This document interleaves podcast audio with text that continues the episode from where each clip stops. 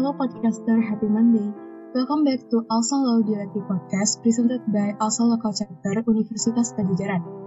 Also Law Dialektik Podcast adalah podcast yang berisi diskusi terkait isu-isu hukum yang sedang hangat diperbincangkan.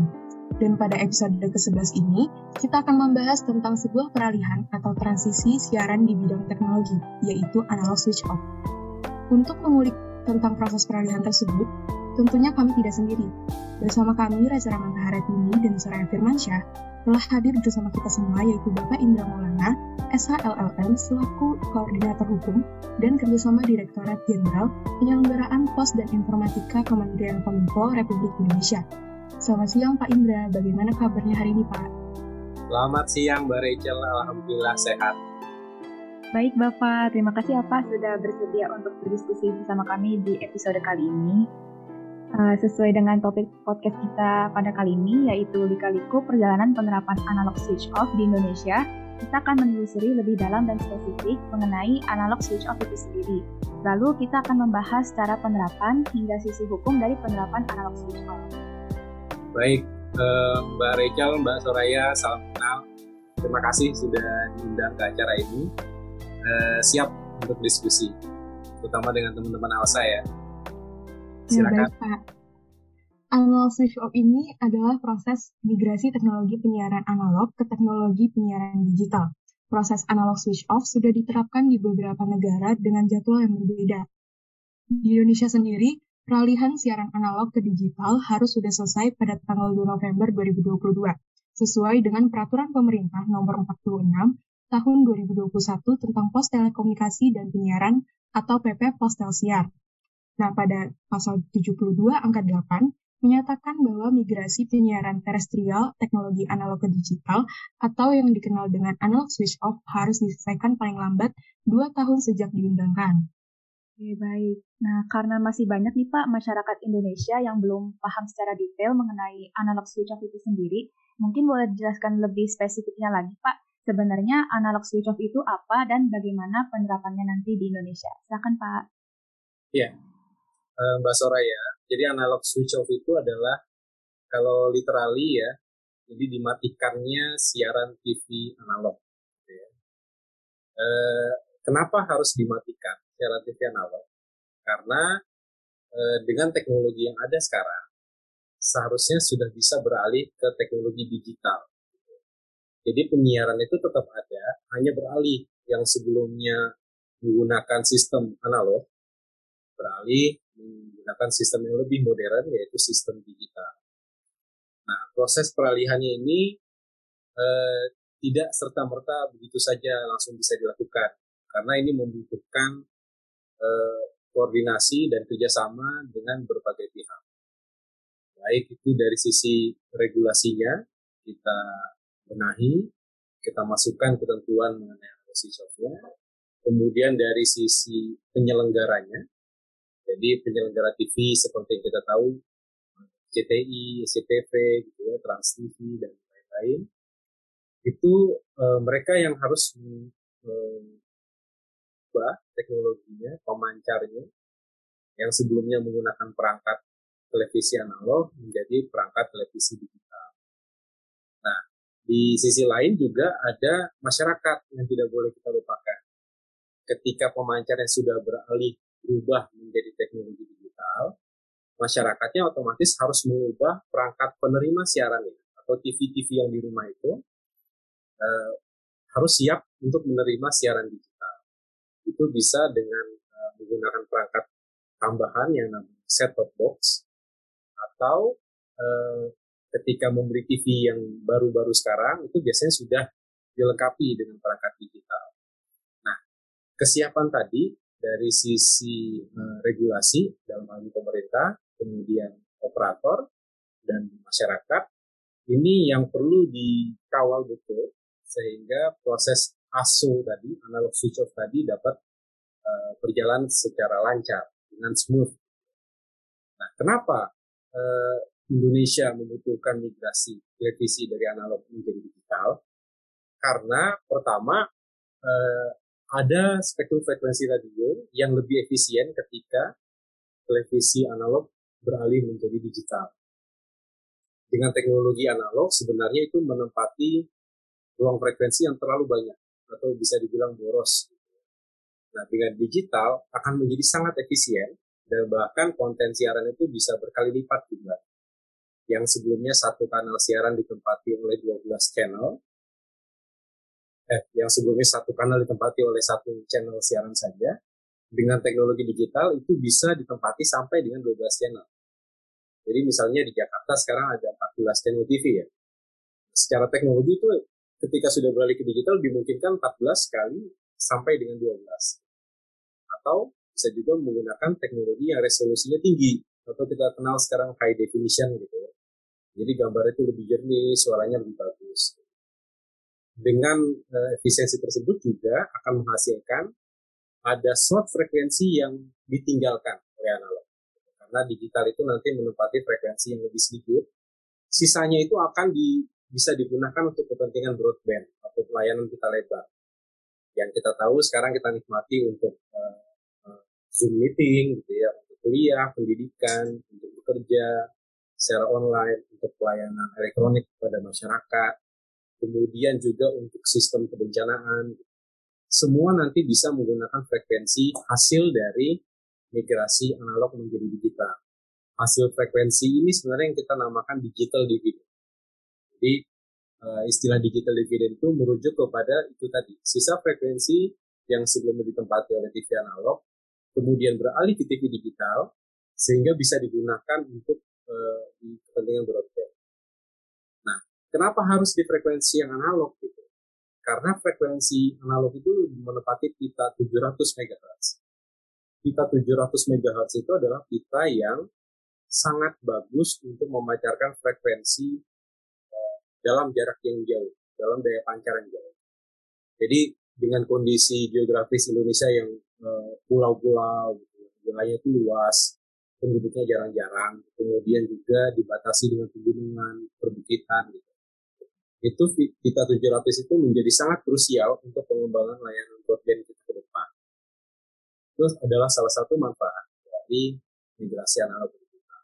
Selain itu, eh, perangkat analog itu semakin usang sebenarnya sekarang, Mbak Soraya, Mbak Rachel.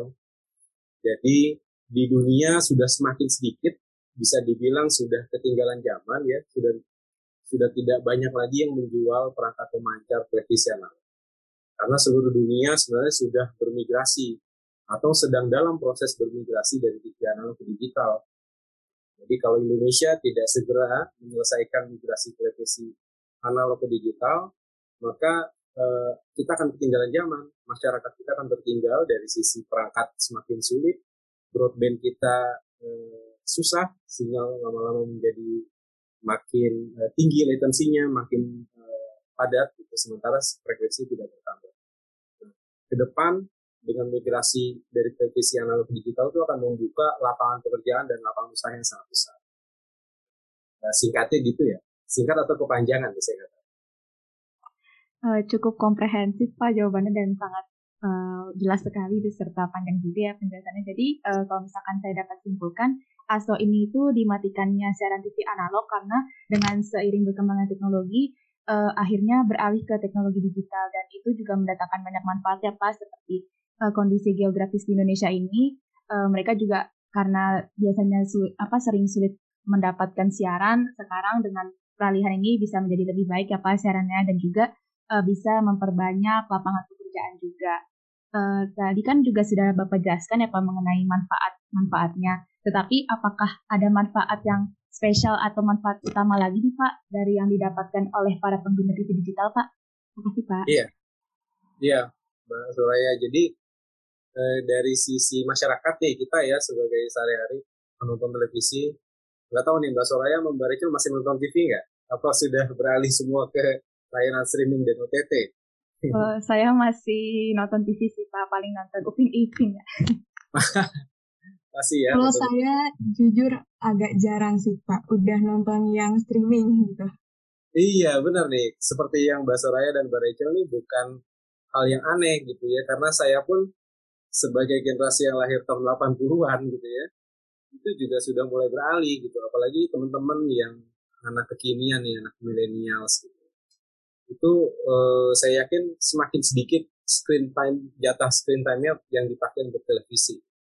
Screen time kita sekarang kebanyakan kita nonton uh, streaming, nonton uh, layanan berbagi video yang bisa diakses melalui broadband tadi, gitu ya, melalui perangkat uh, seluler. Nah, eh, sebenarnya salah satu faktor kenapa kita juga meninggalkan layanan televisi itu adalah dari sisi kualitas. Selain tentunya aspek konten ya, tapi juga ada aspek kualitas gitu. Karena eh, tidak bisa dipungkiri layanan TV analog itu sudah ketinggalan zaman. Jadi gambarnya pun eh, secara resolusi dia rendah, dia masih standar definition. Kemudian kalau kita ada di tempat-tempat mungkin di rumah kita di belakang gedung gitu ya atau apartemen kita terhalang gedung sebelah gitu itu sinyalnya akan semakin jelek jadi kalau kita biasa dulu sebut banyak semutnya gitu apalagi kemudian kualitas suaranya juga ya kurang optimal nah ini sebenarnya hal-hal yang eh, bisa disolusinya adalah di TV digital karena dengan TV digital TV itu bisa mencapai resolusi high definition. Bahkan secara teknologi masih dimungkinkan untuk berkembang ke lebih daripada high definition. Bisa ke 4K, bisa ke 8K gitu ya. Dan kemudian juga eh, dimungkinkan teknologinya untuk bersifat interaktif. Jadi kalau saya nggak tahu di TV sekarang masih suka pada nonton nggak ada TV media gitu ya.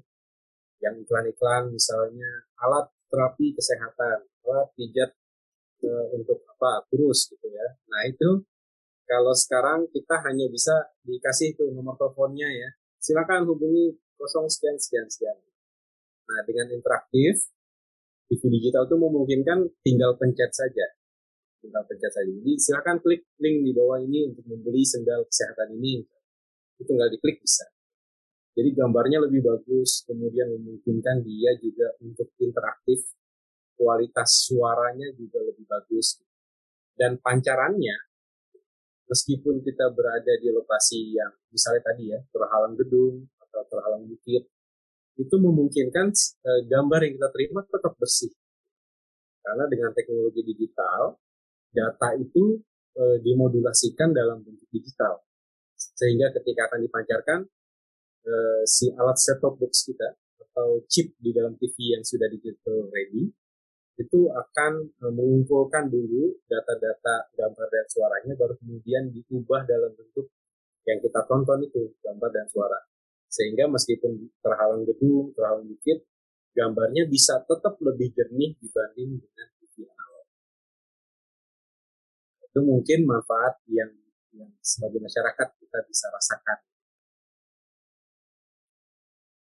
Baik, berarti uh, dengan berpindahnya pengguna uh, TV analog ke digital ini dapat uh, memberikan penggunanya itu sisi kualitas TV yang tinggi, terus uh, suara yang lebih optimal, dan teknologinya menjadi interaktif ya Pak. Terus Betul. juga pancarannya, uh, mes- kalau misalnya terhalang gedung atau bangunan yang lainnya itu gambarannya tetap bersih. Betul. Nah, dalam peralihan TV analog ke digital ini, harus uh, mencapai tiga pencapaian, yaitu produksi, konsumsi, dan teknologi. Nah, apabila dalam konsumsinya ini tidak merata Pak ke seluruh Indonesia, akibat terbatasnya pengetahuan teknologi. Nah, bagaimana cara agar TV digital ini dapat dinikmati semua uh, wilayah di Indonesia dan semua kalangan? Iya, uh, tadi ya, memang persoalan kita ini uh, di negara kita ini banyak juga terkait tantangan geografis ya, karena Indonesia itu wilayahnya sangat luas, penduduknya sangat banyak, dan penyebaran penduduknya tidak merata. Makanya mungkin sampai sekarang teman-teman masih dengar ada sulit sinyal gitu ya, e, ada daerah-daerah blank spot di Indonesia.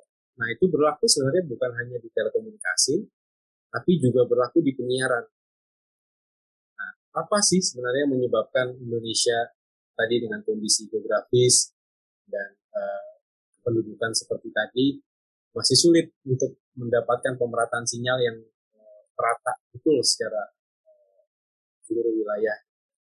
Nah, itu penyebabnya memang uh, pertama adalah persebaran penduduk yang tidak rata tadi menyebabkan butuh investasi jaringan yang sangat besar bagi eh, penyelenggara penyiaran untuk membangun pemancarnya. Nah, eh, dengan TV digital sebenarnya dimungkinkan pemancaran itu bisa menjangkau ke tempat-tempat yang lebih dalam lagi. Kenapa? Karena eh, dengan migrasi TV analog ke digital itu sangat efisien dari sisi teknologi. Tadi saya cerita misalnya ya satu kanal dengan TV digital bisa ditempati sampai 12 channel siaran. Artinya di dalam eh, pemancaran sinyal tersebut itu bisa dilakukan secara eh, kerjasama. Misalnya dengan 12 lembaga penyiaran, gitu. sampai dengan 12 lembaga penyiaran bisa kerjasama untuk memancarkan satu sinyal siaran yang bisa memancarkan 12 channel siaran. Nah, artinya apa? Ada efisiensi di situ. Yang sebelumnya satu pemancar ditanggung oleh satu uh, perusahaan televisi, uh, nantinya ditanggung oleh secara patungan, misalnya oleh 12 penyelenggara penyiaran. Nah, efisiensi itu memungkinkan juga untuk membangun lebih banyak pemancar dari yang ada sekarang dengan teknologi analog. Memang eh, tidak serta-merta membalikan telapak tangan menyelesaikan masalah blind spot untuk penyiaran, tapi dengan migrasi eh, analog ke digital itu adalah merupakan juga salah satu upaya. Upaya kita bagaimana caranya negara ini semakin meningkatkan eh, penetrasi masyarakat terhadap layanan informasi khususnya dari sisi penyiaran. Di samping itu tentunya bukan hanya itu saja, ada juga pemerintah tetap mengupayakan misalnya televisi melalui layanan satelit atau televisi melalui layanan streaming. Jadi karena sekarang sudah eranya konvergensi, maka layanan informasi itu eh, sudah tidak lagi terlalu relevan untuk kita bedakan salurannya. Yang penting masyarakat bisa mendapatkan informasi sebanyak-banyaknya. Kita perluas terus yang dari penyiaran, tapi di samping itu juga sebelum penyiaran bisa masuk ke semua lokasi di Indonesia, juga didukung oleh layanan uh, internet atau layanan TV satelit. Itu kira-kira. Karena persebaran penduduk yang tidak merata ini jadinya agak sulit ya Pak, tapi karena apa namanya adanya investasi jaringan yang sangat besar ini dapat insya Allah dapat memudahkan uh, pemerintah untuk membangun pemancar ini apa supaya Eh, masyarakat-masyarakat di daerah-daerah tertentu juga bisa menikmati karena adanya migrasi TV digital ini. Lalu uh, migrasi ini juga bisa berlangsung dengan sangat efisien apa dengan adanya program patungan dari banyak-banyaknya channel di Indonesia ini ya Pak. Betul Mbak Soraya. Oke, uh, lalu Pak ke pertanyaan selanjutnya. Selama peralihan dari TV analog ke TV digital ini, apakah ada kendala Pak yang dihadapi oleh pemerintah dan bagaimana cara pemerintah dalam mengatasi kendala-kendala tersebut, Pak? Iya, betul. Ini pertanyaan yang sangat bagus nih, Mbak Soraya. Jadi, e, memang tidak 100% lancar ternyata ya, proses migrasi dari analog ke digital ini. Kenapa? Karena e, salah satunya ya, saya cerita e, kondisi perekonomian negara kita juga e, ada divide ada kesenjangan sisi ekonomi. Eh, pemerintah itu sebenarnya sudah menjamin di dalam Undang-Undang Cipta Kerja bahwa negara akan memberikan subsidi set-top box kepada masyarakat yang masuk dalam kategori rumah tangga miskin. Kurang lebih itu eh, jumlah rumah eh, jumlah warga negara yang masuk dalam kategori miskin sesuai dengan kriteria yang ditetapkan itu ada sekitar 25,4 juta warga negara. Nah, ketika kita bagi empat saja dengan uh, gampangnya satu rumah tangga itu terdiri dari empat orang anggota keluarganya, maka ada sekitar 6,6 juta uh, rumah tangga miskin yang harus disubsidi oleh negara, harus diberikan set-top box sehingga nanti masyarakat uh, tersebut dapat menikmati uh, layanan televisi yang sudah berbentuk digital. Nah, ternyata memang dalam mendistribusikan set-top box dimaksud juga ber, bukan perkara yang mudah.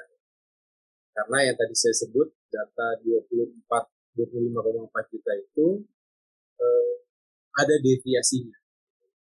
Pemrosesan data yang dilakukan oleh pemerintah untuk memperoleh eh, by name by address siapa saja yang harus dibagikan set-top box itu ternyata tidak mudah, banyak kendala di lapangan. Nah, sebagian yang eh, ternyata datanya setelah kita verifikasi di lapangan itu akurat, sudah langsung diberikan set box. Dan masyarakat di lokasi itu sudah bisa menikmati televisi dengan teknologi.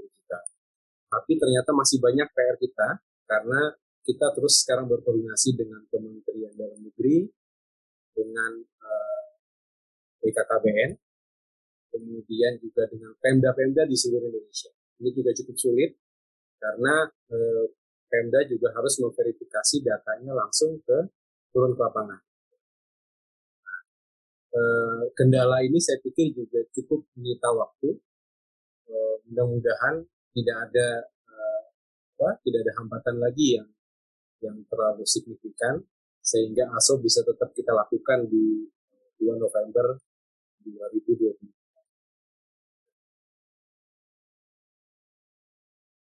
Baik Pak, berarti kendala yang dihadapi oleh pemerintah selain kondisi perekonomian yang ada kesenjangan, tapi diatasi dengan uh, pemerintah memberikan bantuan kepada keluarga miskin. Nah, selain itu juga uh, kendalanya adanya pemrosesan data yang mengalami uh, penyitaan waktu yang banyak pada saat memverifikasinya. Nah, sesuai dengan peraturan pemerintah nomor 46 tahun 2021 tentang pos telekomunikasi dan penyiaran dan pasal 60A ayat 2 Undang-Undang Ciptaker nomor 11 tahun 2020 dinyatakan bahwa migrasi penyiaran TV analog ke TV digital harus diselesaikan dalam kurun waktu 2 tahun. Nah, apabila dalam penerapannya ternyata melebihi dari batas yang telah ditentukan nih Pak, apakah akan ada peraturan baru untuk melanjutkan migrasi TV analog ke digital? atau apakah peraturan yang ada sekarang ini uh, dapat diperbarui lagi untuk ke depannya? Iya, nah, ini pertanyaannya sangat hukum banget nih. Bagaimana kalau misalnya ternyata peraturannya tidak bisa diimplementasikan gitu ya Mbak Rachel? Uh, sebenarnya kita dari sisi pemerintah sangat berharap ini bisa selesai di 2 November 2022. Gitu. Karena eh, secara substansial tahapan-tahapan yang ada, langkah-langkah yang perlu dilakukan itu sudah kita lakukan.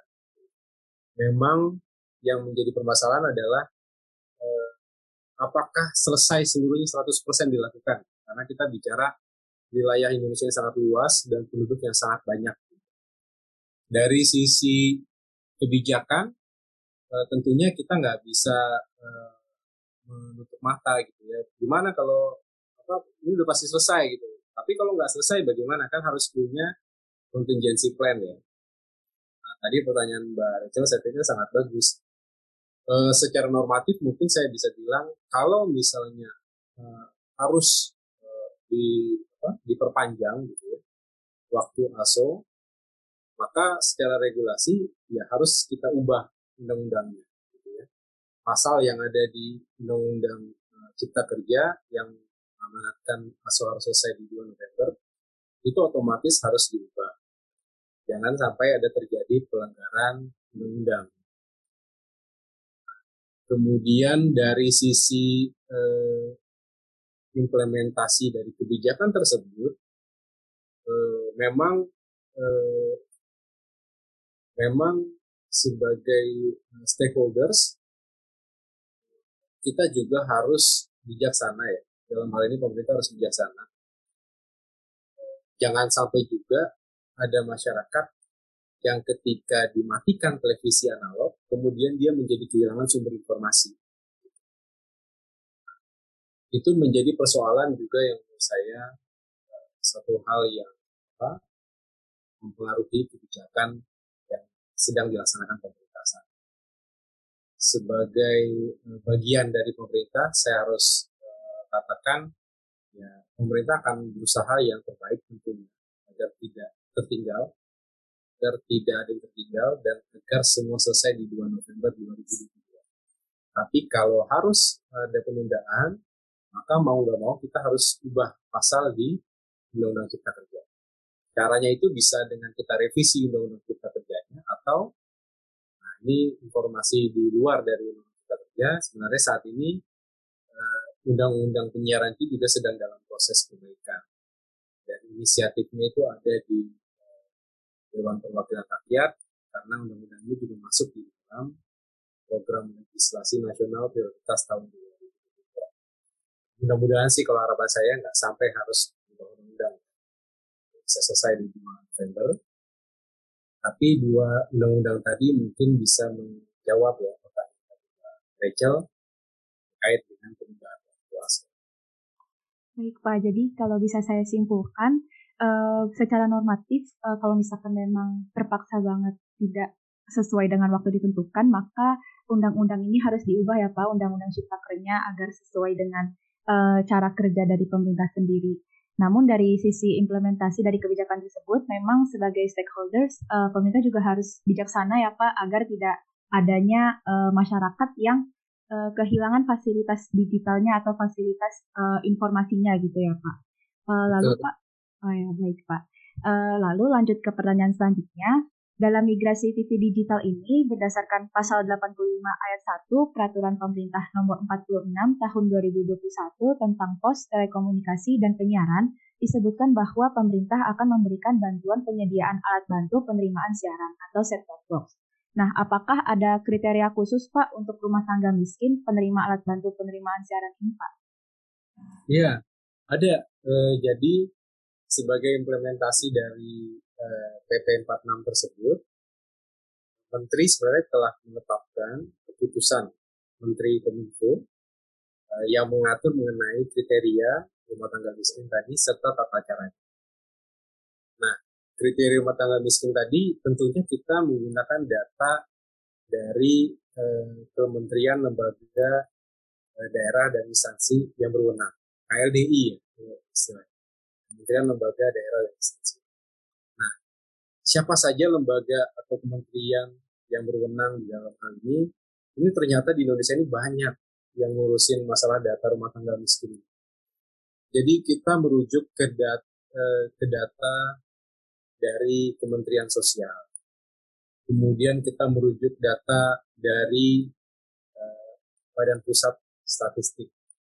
Kemudian dari eh, BKKBN ternyata BKKBN yang ngurusin keluarga berencana juga ngurusin data rumah tangga miskin dan dari Kemendagri Kementerian Dalam Negeri.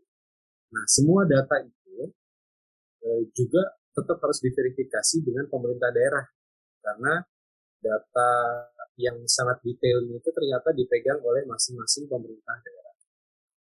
Nah, eh, ini yang memang cukup menyita waktu karena mengoverlay data-data tersebut sehingga menghasilkan data yang paling uh, paling baik akurasinya juga ternyata butuh proses yang cukup panjang.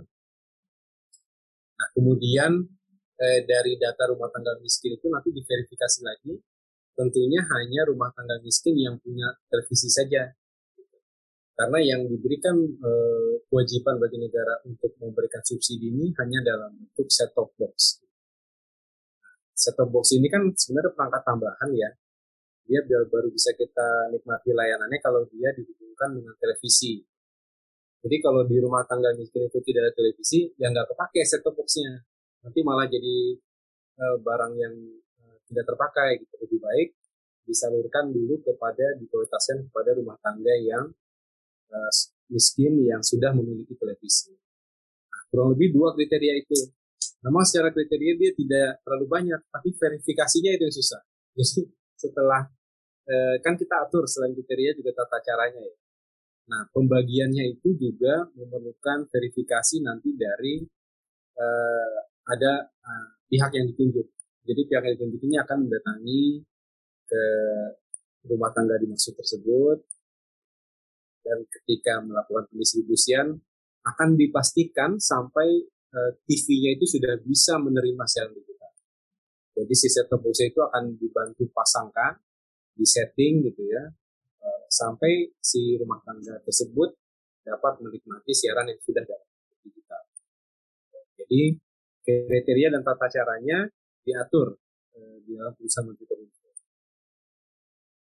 Nah, saya tadi agak lewat sedikit.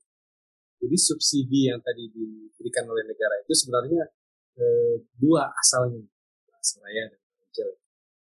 Dua asal. Pertama murni dari APBN. Ini benar-benar dari anggaran eh, pemerintah dari negara. Tapi juga ada yang berasal dari komitmen penyelenggara penyiaran atau bahasanya penyelenggara multiplexing. Jadi penyelenggara multiplexing sebelum ini sudah kita lakukan seleksi terbuka. Siapa yang ingin menjadi penyelenggara multiplexing daftar silahkan.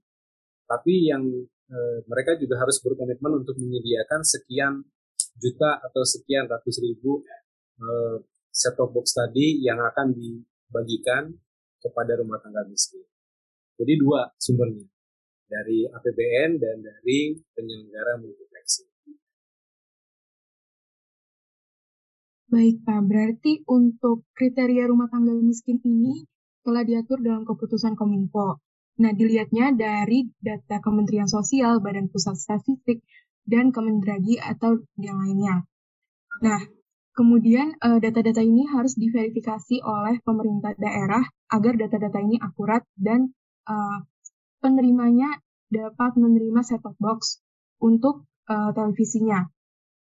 Nah, agar yang menerima set-top box ini adalah rumah tangga yang memiliki televisi saja, dan set-top box nanti akan dibantu pasang agar uh, televisinya dapat uh, menggunakan TV digital.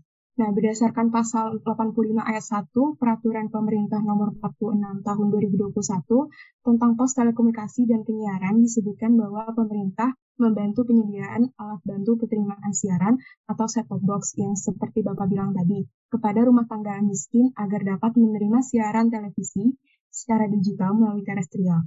Nah, bagaimana jika dalam penerimaan alat bantu penerimaan siaran ini uh, adanya salah sasaran? Misalkan kasusnya adanya keluarga yang mampu membeli satu box, namun uh, dia terdata atau mengaku bahwa keluarganya itu berasal dari keluarga yang miskin. Nah, apakah ada sanksi yang akan diterima dan bagaimana mencegah hal tersebut dapat terjadi, Pak? Iya, ini uh, pertanyaan yang kayaknya sering terjadi ya.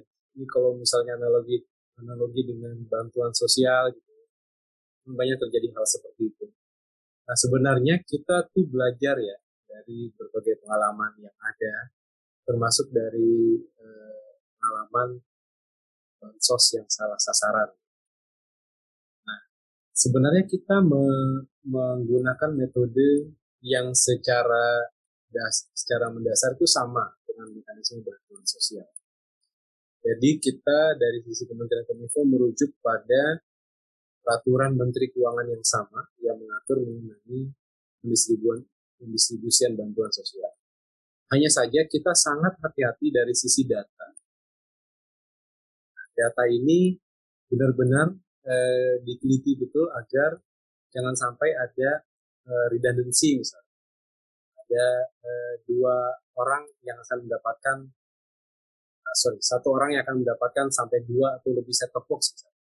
Itu sangat kita hindari agar tidak terjadi tumpang Kemudian juga kita lakukan verifikasi betul apakah orang yang bersangkutan masih ada. Dikhawatirkan misalnya yang bersangkutan uh, sudah meninggal gitu. Maka ini akan menjadi uh, variabel dalam uh, pendistribusian set top box. Nah, uh, verifikasi itu uh, tentunya juga saya pikir kalau sampai 100% akurat itu adalah target. Tapi biasanya dari pencapaian target adalah deviasi sekian persen. Nah, sebenarnya dari sisi masyarakat kita sangat tidak menganjurkan kalau sampai ada yang menyalahgunakan bantuan tujuan misalnya untuk menjual alat tersebut atau mengkomersialkan itu ada sanksinya. Tentu kita juga merujuk pada pasal yang sama terkait dengan uh, pemalsuan data, penyalahgunaan data dan penggelapan barang. Ada pasal-pasal pidana. Tapi dari sisi eh, kita tahu ya pidana itu adalah jalan terakhir. Ya. Hanya kita betulkan eh, sekali dari sisi administratifnya dulu. Dari sisi administratifnya kita betulkan, kita upayakan agar tidak sampai terjadi penyalahgunaan tadi atau meminimalisir sekecil mungkin uh, kesempatan untuk melakukan uh, tindak pidana. Jadi uh, benar-benar nanti yang akan membagikan set top box ini ke rumah tangga miskin itu benar-benar orang, orang yang ditunjuk oleh Kementerian Kominfo atau lembaga penyiaran. Jadi orang ini memang kita tidak menggunakan apa namanya kontrak baik kontrak dan baik kontrak lagi tidak kontrak beranak, tapi ini benar-benar orang yang ditunjuk langsung oleh Kementerian Kominfo atau dari penyelenggara penyiaran. Jadi pertanggungjawabannya pun langsung. Verifikasi terhadap rumah tangga miskin dimaksud langsung kita lakukan di tempat. Data itu pun juga dikoordinasikan dengan Kementerian Dalam Negeri, dengan eh, Dinas Pendudukan dan Catatan Sipil, sehingga diharapkan datanya sudah benar-benar data memang tidak menutup kemungkinan di luar itu ada saja ya Mbak Rachel ya pihak-pihak yang atasnamakan ya sebagai. Nah, kepada yang eh, berniat demikian mungkin bisa kita infokan ya tentu ada sanksi pidananya jadi jangan sampai uh, berurusan dengan pihak yang berwajib. Oke, baik Pak. Jadi memang untuk sanksinya ini memang sudah diatur ya Pak. Tetapi uh, untuk sanksi pidana memang seperti yang kita pelajari juga nih di semester 2 kemarin bahwa pidana itu adalah jalan terakhir. Jadi dari pemerintah dan kominfo sendiri mengupayakan yang terbaik di bagian administrasinya terlebih dahulu ya Pak. Belajar dari pengalaman uh, kasus bansos yang sebelumnya tentang uh, pendistribusian dan juga pengolahan datanya. Jadi uh, kita juga harus berhati-hati ya dengan data. Jangan sampai ada satu orang yang mendapatkan uh, set-top box yang lebih dari perkiraannya. Uh, dan juga untuk saksi, sanksinya ini uh, dapat terkait dengan pemalsu, pemalsuan data, penggelapan dana, dan lain-lain. Uh, mungkin itu Pak, apakah benar kesimpulan saya? Iya, bagus sekali. Betul Mbak Raya. Baik Pak, pertanyaan tadi itu menjadi uh, pertanyaan terakhir bagi kita pada podcast hari ini. Nah, terima kasih atas pemaparannya yang luar biasa dari Bapak Indra Maulana, SHLLM, selaku narasumber podcast hari ini. Kami cukupkan podcast sampai di sini. Semoga apa yang kita diskusikan dapat bermanfaat bagi teman-teman podcaster asal Audialektif Podcast. Oke, dan tentunya jangan lupa untuk terus dengarkan episode-episode selanjutnya yang pastinya tidak kalah keren nih dari episode kali ini. Saya Sore Firmansyah. Dan saya Rasa Ramanta Haratini. Pamit undur diri. In Alsa We Learn. In Alsa We Connect. In Alsa We Develop. Alsa, always be one. Terima kasih. Wassalamualaikum warahmatullahi wabarakatuh. Shalom, Om Santi Santi Om, Namo Buddhaya, dan salam kebajikan. Selamat beraktivitas semuanya.